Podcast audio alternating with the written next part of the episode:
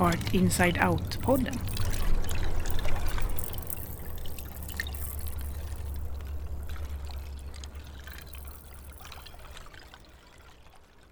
Art Inside Out-podden träffade konstnären, aktivisten och pedagogen Sadia Hussein i ateljén i Årsta i Stockholm för ett samtal om konst, ansvar och längtan att höra till. I maj kommer hon till Halmstad och residenset Konstnärligt arbete pågår. Vi är i din eh, ateljé Mm. i Årsta I Stockholm. i Stockholm. Yes. Vad är det här för en plats? Ehm, här är min, där jag parkerar mig och mitt material. Eh, samlar kraft och idéer. Så det är en, en bra plats. Jag kan faktiskt eh, få både lugn och skapa här. Här inne i, i din ateljé Ja. så står det burkar och alltså spray, färger och det hänger liksom saker lite överallt. ja. Just nu är det ganska rörigt för att jag jobbar ju mycket i, på offentliga ytor. Vilket gör att äh, jag skapar här idéer och skisser men sen så åker jag ut. Så att nu har jag varit och målat ganska mycket. Så har jag bara liksom slängt saker. Eh, så det är mycket material eh, som du ser och mycket som händer. Men jag tycker om den här ordningen. För att den, är- den, den är liksom den är levande. Den är inte så tillrättalagd. Du är eh, målare, konstnär, Bildkonstnär. bildkonstnär. Ja. Och jag jobbar väldigt mycket med mönster. Ehm, jag bygger mönster och jag bryter och bygger och bryter mönster, tänker jag. Ehm, det är väldigt färgstarkt, väldigt liksom synligt. Men jag är också inspirerad av både liksom mönster och möten med konst som jag haft så här hemma. Eh, att det, det kommer ju därifrån det här. Vad, vad hittade jag? Vad såg jag liksom kreativitet? Det var ju mycket i tyger, textilier och mönster därifrån som har präglat. Men sen också min tid som jag var i Pakistan, gick i konsthögskola där i fem år. Att, um, det, det offentliga rummet eh, där jag inspirerades väldigt mycket av någon slags estetik som också, det folkliga gick väldigt mycket ut på en symmetrisk liksom, balans. Eh, att man hade upprepningar av saker och alltid två av en. Eh, I enkla hem så dekorerade man på det sättet. Och det tycker jag är väldigt intressant av den speglingen.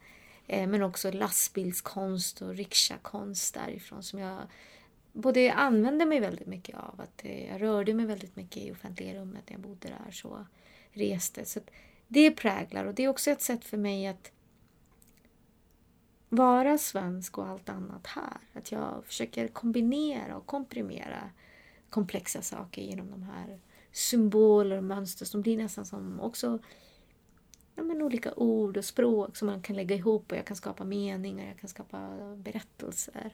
Eh, men också vem jag gör det med, när jag gör det. Alltså allt det här är också att inta platser på, på ett väldigt synligt sätt. Och jag försöker aktivera platser, attityder och människor.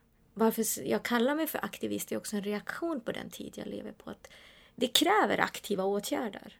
Det går inte liksom bara sitta och snacka. Utan jag måste vara aktiv i att också bidra till den förändring som påverkar till slut också mig och mina barn. Eh, för det handlar om attityder. Så när jag pratar om normalisering och genom visualisering så det är det det handlar om egentligen. Jag kan se jättemycket hända inom reklam till exempel. Att det är nya ansikten, nya människor, nya kroppar som kommer fram. Att alla börjar förstå det, att det finns ingen annan väg att gå. Vi måste funka ihop. Eh, och vi måste acceptera varandra. Eh, och det handlar inte om det här tolerans mot varandra. Jag tror att det är acceptans. Och därefter respekt mot varandra också. Att, eh, du har ditt space, jag har min space, sen delar vi det här spacet tillsammans. Och där gäller det här. Ehm, och så ser Sverige ut. Så ser världen ut också. Så här, kom igen. Det är lite så jag tänker i det här ak- aktivistiska arbetet så är det en medvetenhet också. Du kommer till eh, Halmstad med en fråga. Yay. Du ska vara på residens Ja. hos oss i tre veckor. Yes. Eh, och du ska vara i centrala Halmstad och Mm. jobba. Mm. Vad, vilken fråga är det som du kommer med till Halmstad? Alltså jag är intresserad av hem. Eh, och det jag jobbar väldigt mycket med är konsten att hitta hem. Och när jag kommer till en residens så tänker jag också att det är ett tillfälligt hem jag söker. Så att jag är intresserad av frågor kring hem, hur man delar hem, hur man hittar hem, hur man gör hem. Um, är väl de frågorna jag är, intresserad av. Sen känner jag inte till Halmstad så jag kommer ju med väldigt en så här, öppen blick. Eh, och, och, och är intresserad av att träffa människor och ha samtal och undersöka verkligen så här, hur ser de och vad har jag med mig och vad har de? Och att det blir en slags så här, möte av idéer som sen ska liksom leda till vad som händer. Eh, jag har en idé hur jag ska också inta platsen Halmstad, hur jag ska göra mig synlig. Eh, och, eh, så där, där kommer jag ha, skapa någon slags eget hem för att också få känna mig hemma. Eh, hur ska vi tänka? Hur ska vi funka ihop? Och sådana saker också. För att hem är också liksom, har ju grannar och du vet, och så vidare. Och känslan att få känna sig hemma är också att du kan vila. Och det är min egna förhandling med att vara i Sverige. Att jag ständigt förhandlar fram en existens här. Um, det blir ju inte lättare för mig. För jag är ju den jag är. Jag syns ju på många sätt och kan kopplas ihop till migration, den andra så lätt och så snabbt. Um, så för mig är det också viktigt att det här jobbet måste också alla göra. Det går inte ensidigt att jobba med att jag har språk och utbildning och kommit in. Men hur ser andra på mig? Hur ska vi ändra de attityderna? Hur ska jag ändras också från attityder till att jag är önskad eh, och jag får vara här. Eh, det här tillhör mig också. Och att vi bidrar till att skapa ett hem, det är väl det jag är mest intresserad av. Sen har jag mitt sätt att jobba och mitt uttryck och mitt sätt också att ta plats som jag tar med mig. Och så får det växa och hända saker på plats. Så jag, är, jag vill bara liksom träffa mycket folk, också bjuda på mig själv, vem jag är. Ehm, och hoppas att jag får tillbaka också den generositeten.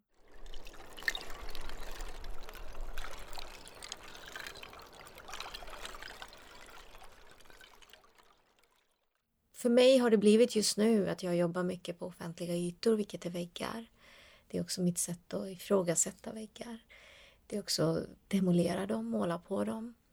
Och jag har inte alltid varit, jag kommer inte från någon sån här graffitiskola, att jag är någon hardcore så, men jag har använt de verktyg för de torkar snabbt. För mig handlar det om att applicera färg, så jag är ganska ointresserad av idén om hur man ska vara, utan jag ser det som verktyg som, är, som gör också att jag kan leka med det på ett nytt sätt. Eh, och då har jag märkt också att jag skapar med de verktygen på lite annat sätt än vad man är van att se. Um, har det varit eh, din ingång i konsten, att konsten är ett språk? Konsten blev liksom någon, en plats där jag blev bekräftad, uppskattad. Eh, redan som liten, både hemma och i skolan. Så för mig handlade det mest om det, att jag kunde någonting mer, att jag utmärkte mig på något sätt.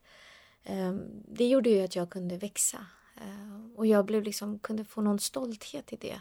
Jag tror det är det det handlar om. Jag förstod inte språk och sånt och uttryck och så men jag, jag kände att jag kan det här. Och jag tycker det är kul och jag blir uppskattad, jag blir lite bäst på någonting. Det, det är så de här tankarna började hos mig. Sen har jag förstått med, med åren, med utbildning, med liksom möten, med utveckling att vad konst är och hur jag ser på konst är också att det är jag tycker det är en mänsklig rättighet. Jag tycker precis som man behöver liksom motion, vila, bra kost så behöver man konst. Så det är, där, det är där jag jobbar väldigt mycket för att också se till att fler får uppleva det. För det, det har gett mig så mycket. Um, att få möjlighet att grubbla, vända och vrida, bli kritisk. Um, tror jag är så viktigt för oss människor. Och vi behöver också möjlighet till det. Vi behöver också möta det. Vi behöver också rum som har sån liksom, högt i tak och där folk har rätt att ha fel. Och, du vet, det är det konsten möjliggör. Den är ett sätt att hitta på saker som är tillåtande. Um, och fler behöver ju testa. Testa livet, testa idéer, testa liksom... Jag får ju göra det genom konst. Jag får ju undersöka och testa och förstå eh, mig och min kontext och liv och allt sånt. Ja, du är eh, konstnär Ja. och du är konstaktivist och konstpedagog. Ja. Och det är också så här att det är superspännande. Jag tänkte ju aldrig att det var någon så här grundplan. Att, att jag först blev konstnär, sen så blev jag konstpedagog. För att jag insåg också, oj, jag har, jag har en berättelse att berätta och dela med mig. Och då blir det här liksom workshop sätt att ja, men, prata och hur ska man bli pedagogisk? Hur ska man förmedla det man har tänkt? Och att bli konstaktivist har ju blivit en, en reaktion på att vem får vara med egentligen? Vem får uttrycka sig? Och, och då har jag ju lärt mig men också utvecklat modeller och metoder som kan göra konsten tillgänglig, begriplig, sänka trösklar och sen bygga på utan att tappa djupet. Egentligen började min resa med att jag blev konstnär som har varit mitt så här, fria val och dröm eh, som barn och, eh, och också så här, naivt att jag tänkte att jag vill gö- göra något som jag trivs med, som jag tycker om och som ger mig lust och kraft. Eh, så att jag har utbildat eh, mig både liksom för grund, alltså skolorna här. Sen har jag gått på förberedande konstskolor. Men sen har jag också åkt tillbaka till Pakistan. Eh, så det gjorde jag efter Nyckeviksskolan här. Jag var 20 och då åkte jag till Pakistan, gick en konsthögskola där. Och det här är liksom 90, vad är det, 95 som jag åker dit. Då är det ingen så här Google, man kan bara hitta information. Så det var väldigt mycket så här, eh, ha mod. Och det tror jag det är att vara konstnär. Man måste våga och vara modig. Sen när jag kom tillbaka, den resan var pff, omvälvande. Jag har, eh, min värld har vidgats och också jag har blivit, det har blivit ännu svårare på något sätt att veta vem jag är. Och jag är så mycket har jag upptäckt också. Så det har varit så här skönt att jag gjorde det um, redan när jag var 20. Eh, så att jag kan, kunde befria mig från också att vara en identitet eller en andra identitet, mitt ursprung eller det hemland jag bor i och så vidare. Du kom till Sverige när du var sju år. Ja men precis. Från Pakistan. Ja, jag är född i Pakistan, jag är född i Lahore.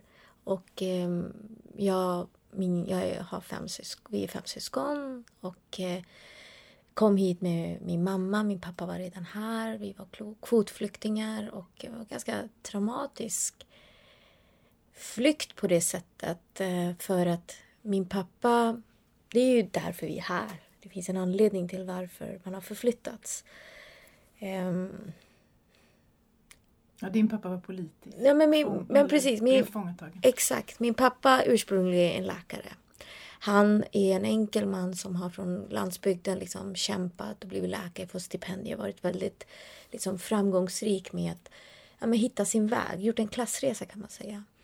Och när han blev läkare så började han också, han förstod ju den enkla människans kamp.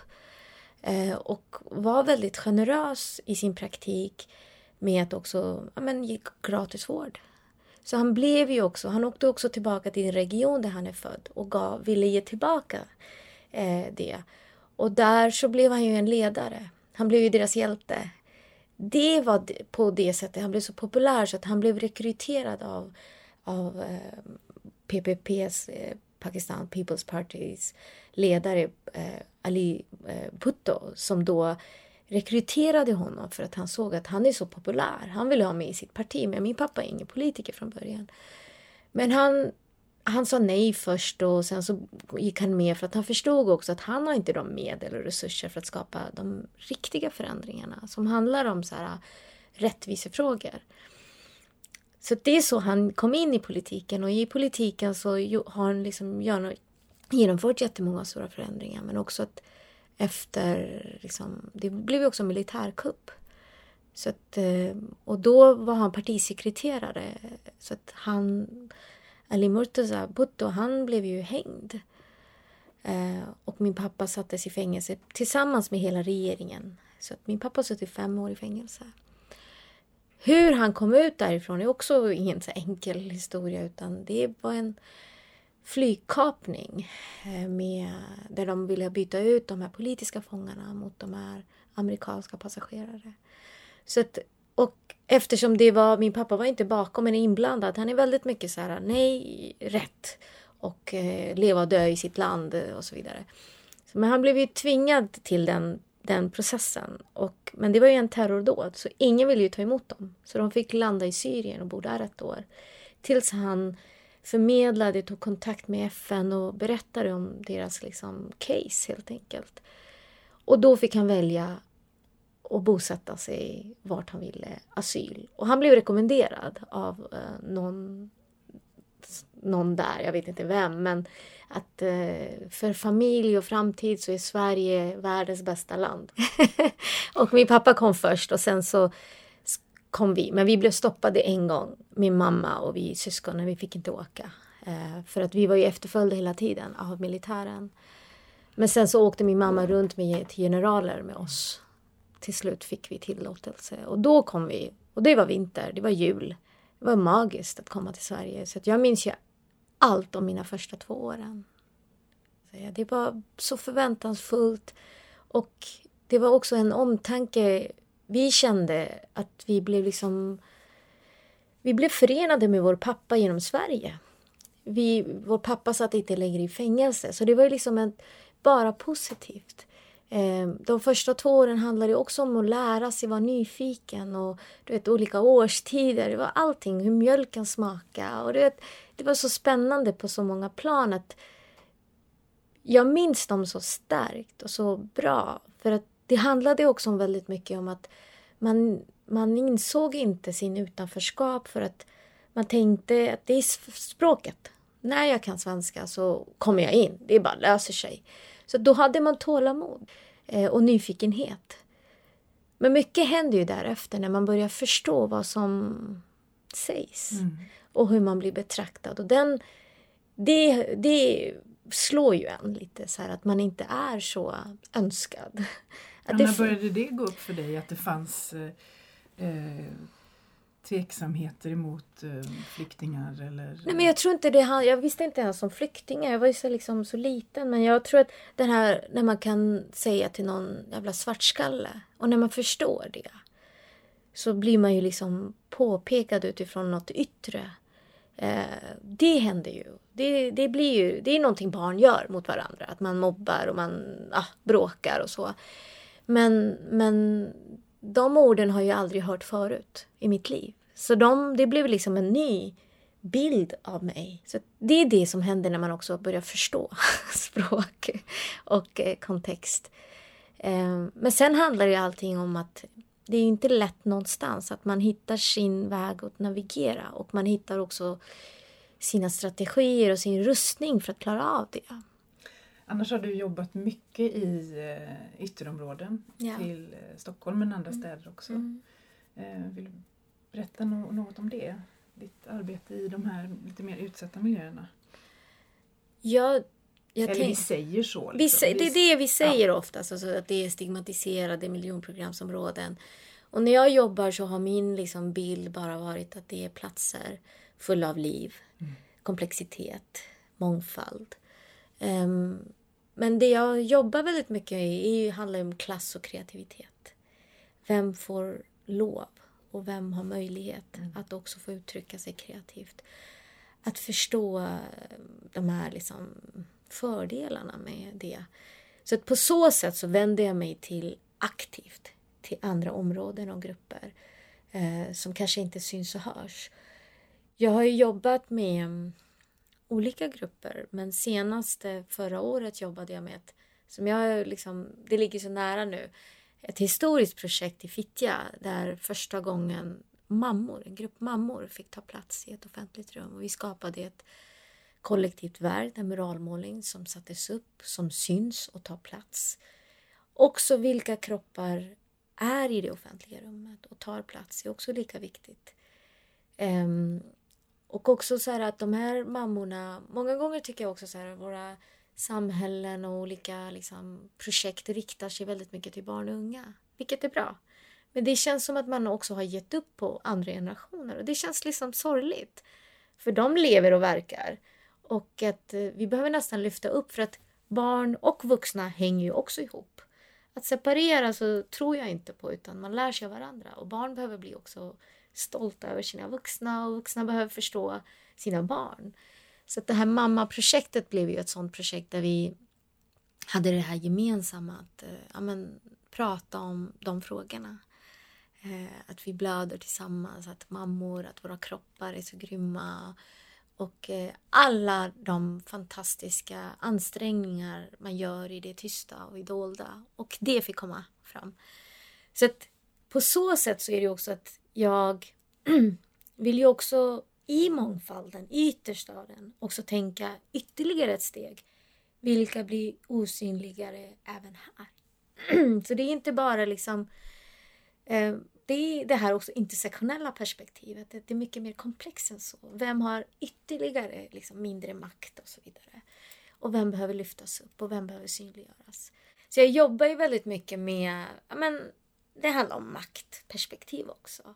Ehm, och klass och kreativitet på det sättet. Och jag har verktyg och kunskap och intar en slags roll av leda processen men också till att jag blir en assistent i deras, till deras idéer.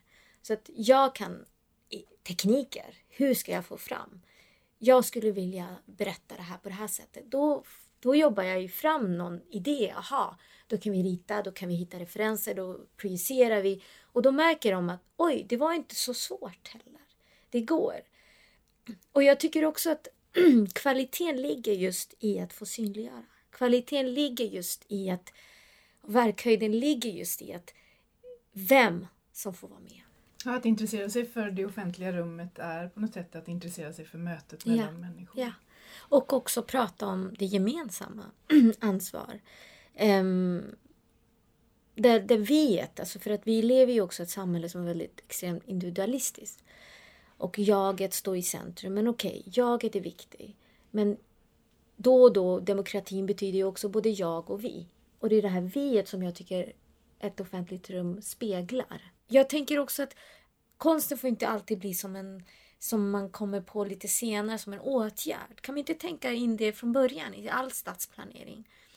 Att vi behöver de här rummen för att vi, vi ser hur de här olika gallerierna bara poppar upp överallt, tätt in på varandra. Att, har vi verkligen det här behovet? Och vad gör det med oss? Alltså, vilken tomhet skapar det inte hos oss? Vi är också ganska ensamma i det här landet. Det är också mörkt och kallt. Vi behöver ju ses över fika. Vi behöver också ha in och utgångar, att det är en drop-in, att det är liksom lättare, det är låga trösklar. Man behöver inte ha mycket pengar och sånt. Precis som biblioteket är ju en ganska så här folklig plats. Många vänder sig till bibliotek för att hitta en plats för att få vara någon annanstans än sitt hem. Men jag ser också i offentliga rum, man tar ju bort bänkar. Man tar bort alla ytor egentligen också för att inte riskera att någon börjar bosätta sig. Så det finns det är också en, liksom, hur ska vi föra en dialog med varandra? Vad, vad säger staden till oss? Tycker den om oss? Eller är den hård och kall? Jag tror att de här rummen är ju de som kan värma upp också oss, men också staden. Alltså det är liksom det här, det är olika men, flöden vi behöver skapa. Eh, som kan ge oss kraft och energi och vi kan gå in och ut och det är till för alla och inte bara ungdomsgårdar för barn utan också för vuxna och äldre, att vi möts bortom generationer. Och det önskar jag, det är klart. Det vore ju grymt. Att, vi har, att det var liksom också någonting som var en del av varje stadsplanering. Varje ort hade sådana platser. Vem behöver vem? Ja men exakt. pratar du ju om ja. hela tiden ja. egentligen. Ja. Och jag tror också så här, många gånger så lägger man hela ansvaret på en viss grupp som ska göra jobbet. När man inte pratar med den andra gruppen som har ett ansvar också att ändra på sin attityd parallellt. Båda behöver utvecklas och sen möts man.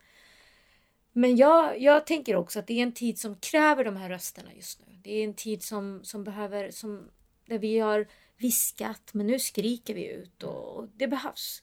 Sen när man har viskat och, och sen skrikit så får man också akta sig för att inte tappa sin röst. Så inte skrika för länge. Så rösten behövs. Och det är där man behöver komma ihåg att självändamålet är inte vara arg. Självändamålet är att få bort orättvisorna. Egentligen. Så att ibland vissa som också kanske får en roll och faller i en liksom fälla av att det är bara så jag kan få jobb och bli sedd genom att vara arg. Eh, ja, men jag tänker på miljonprogramsområden där många kidsen liksom väljer en viss attityd för att då får de ju makt också. De blir sedda och hörda. Det är klart, vem skulle inte göra det? Det är klart det funkar. Det är också en recept. För innan har ingen lyssnat på dem. Men så fort de skriker och de liksom lite farliga, då blir vi rädda. Då börjar vi lyssna. Då blir det åtgärder.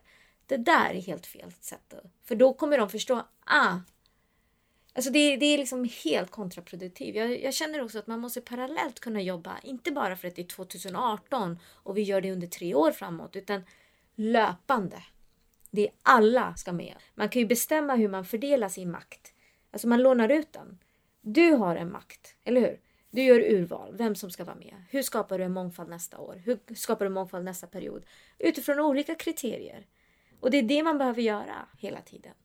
Um, så att där tror jag att då, då kan jag också slappna av att om fler också adopterar min kamp och bär den så kan jag bära någon annans kamp ibland och så kan jag ta någon annan fråga och så byter vi ut och så är vi tillsammans. Och istället för att en tröttas ut och förväntas bara prata om vissa frågor.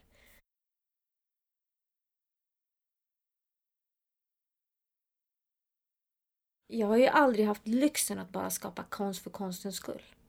Jag har aldrig haft det privilegiet utan det har alltid varit liksom viktigt och viktigare än mig själv. Det kanske, och jag är också präglad av det hem jag är född i. Liksom hur mina föräldrar tänker och förhåller sig till ett ansvar, ett kollektiv. Att komma från en stor familj innebär också ansvar. Man delar ytor, man kompromissar, man kommer överens. Det ligger ganska mycket både som person men också att eh, men också att jag inte fått bara göra konst för att se vad det leder till. Eh, jag tänker lite på att du tillhör en, en ny generation konstnärer eh, som inte bara kommer från Sverige, som har, har ett eh, blandat ursprung, som nu börjar få ganska mycket uppmärksamhet mm. och få ta plats. Mm. Eh, vad tänker du om det?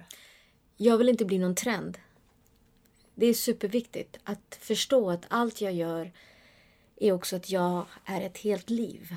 Jag är inte någon, liksom, någon annans mål eller någon annans eh, som ska bocka av och checka av. Att jag kan inte fylla någon kvot på det sättet utan jag är ett helt liv. Och att för mig är det superviktigt att, att jag är konstnär och de ämnen jag jobbar med är kopplade till den tid och min samtid. Um, så för mig, jag är så, så medveten också om om de här förväntningarna. Men jag påminner mig ständigt också om att alla hinder är inte målet. De, de är bara ett hinder. Självändamålet är inte bara liksom jobba aktivistiskt. Det kanske får leva ett gott liv, enkelt gott liv, precis som alla andra och få förändras tillsammans med andra. Så det är väldigt viktigt också att inte falla i någon slags eh, idé om vad andra förväntar sig av den. Men alla de här frågorna har jag väldigt aktivt att diskutera för de påverkar mitt liv hela mitt liv och mina barns liv. Eh, så det är ingen fas för mig. Och, och så får det inte bli heller för någon annan. Så att, att där, där får alla vara vaksamma faktiskt, att inte bli utnyttjade. Um, att nu passar det in och nu är vi, gör vi god konst. För att nu har vi tagit in de här namnen och så. Utan vi är konstnärer, vi är människor, vi är svenskar. Precis som alla andra. Och till slut handlar det om relevans och eh, ens konst som ska vara viktig. Men jag tror också väldigt viktigt att lyfta upp kanske för att när det, när det handlar om orättvisor så handlar det också om försprång. Vissa har haft försprång, har nätverk, kontaktat detta utifrån klass. Alltså man, kan också, man är inne i ett liksom, system. Och då är det lätt att vara konstnär. Men alla som strävar efter det hur kan vi göra konsten också relevant och intressant? För annars är den väldigt tråkig och enhetlig och bara talar om samma saker, navelskådning och... För mig är det också väldigt viktigt att man måste också uppmärksamma fler mångfaldiga berättelser pågående. Att det är liksom ett pågående arbete. Eh, och alla val som både en institution gör eller en uppdragsgivare gör och även konstnären är aktiva medvetna val. Så man får ju akta sig från också att bli hijackad. Men man kan hijacka situationer. Jag tycker det är mer utmanande i människor som inte kommer från hem som har med konst att göra. Att ta sig dit man är. Tänk bara vilka kamper man har varit med om. Tänk hur många, hur många liksom hinder man har gått igenom hur, och hur jäkligt taggad man är och inte ger upp. Så att på så sätt så, så ser jag ju också att man, man bygger upp en styrka. När jag, jag är faktiskt också mycket på Konstfack och träffar studenter och föreläser. Och återkommande så blir jag ju också att jag skruvar ju upp de här frågorna för att jag känner så här fortfarande är det ingen annan än jag som tar upp det här. Jag har inte valt det, men det är det vad tiden kräver av mig för att skapa medvetenhet. För att också prata om människor som har ett, ett, eh, ett uppdrag sen därefter. Vi betalar de här dyra utbildningarna, det är alla vi som bekostar dem. Då måste man också leverera tillbaka. Man måste också förstå sitt ansvar i samhället. Både konstnärer, designer, alla som jobbar i alla möjliga områden. Men också prata om så här, men hur ser det ut runt omkring oss? Eh, och varför ser det ut så? Så att jag, när jag jobbar i miljonprogramsområden och jag jobbar på Mångkulturellt centrum, och jag jobbar i Botkyrka konstnär så jobbar jag med barn och unga. Genom att vara konstnär så får jag ju frågan så här, Vadå, är du konstnär? Hur kan man bli det? Alltså bara enkla frågor som jag tar hand om. Och jag besvarar dem. För att ibland behöver man bara en bild av någon som kan bli det också. Så jag jobbar med femåringar och peppar dem. Och, och fortsätter jobba med ungdomar och peppar dem. Men jag vill ju också att samhället och dörrarna ska vara öppna när de är peppade och förberedda. Om de kommer och det är bara stängt, bommad, då är det inte värt att peppa dem och stärka dem. Så det här parallella arbetet måste alla jobba med. Men också jobba med att inte förminska någon eller tycka synd om någon. Det är inte det det går ut på, att du gör någon välgörenhet här. Utan det här är viktiga röster för att egentligen du till slut ska växa i ditt sätt att se på samhället och människor och varandra. Vad har du för förväntningar på platsen? Hur vill du bli mött? Jag känner mig väldigt eh, positiv. Jag känner mig väldigt peppad.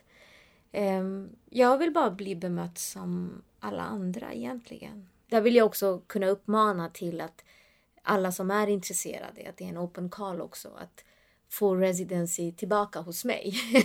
så att jag, jag skapar ytterligare ett rum, tänker jag, i Halmstad där man kan få besöka mig och få komma till mitt hem på olika sätt. Så att eh, jag, det är det jag ser fram emot. Men jag vill kunna visa upp mig också, vem jag är, för att det också blir ett sätt att koppla ihop men också att, jag, att eh, både jag är nyfiken, att, att Halmstad blir nyfiken på mig. tänker Jag Jag vill inte liksom bli någon udda varelse så. Men jag vill prata om de här frågorna eh, för jag kommer ha en väldigt kort period så då, intensiv, då blir det intensivt att också gå direkt på de här frågorna som handlar om att dela plats med andra. Så att eh, jag tänker att jag vill ju också uppmana och ehm, utmana till att vi tänker tillsammans.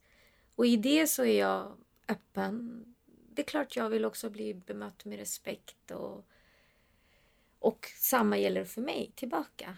Men jag är ute efter dialog. Bara liksom ja, men schysst attityd och öppen och nyfiken och, och våga fråga liksom saker man bär på och tänker på så är jag ju där för att också både jag ska våga ställa frågor som är svåra och kunna också kanske ge min, mitt svar på svåra frågor som andra bär på. Hur det är att vara du och hur det är att vara jag och sådana saker. Um, men jag är supernyfiken på Halmstad. Det är också mitt sätt att lära känna Sverige faktiskt. Jag blir ju så stockholmare. Och jag behöver resa, jag behöver upptäcka hur, hur stort det här landet är, hur komplext och mångfaldigt det är i sin helhet också. Så det är pepp. Ja, jag ser fram emot att du kommer till Halmstad och jag tror att eh, det kommer bli jättespännande för Halmstadborna. Eh, och för mig. Och för dig. Absolut. Är, jag är superpeppad och taggad inför det. Ja, tack. tack för samtalet. Tack Petra. Tack Sadja.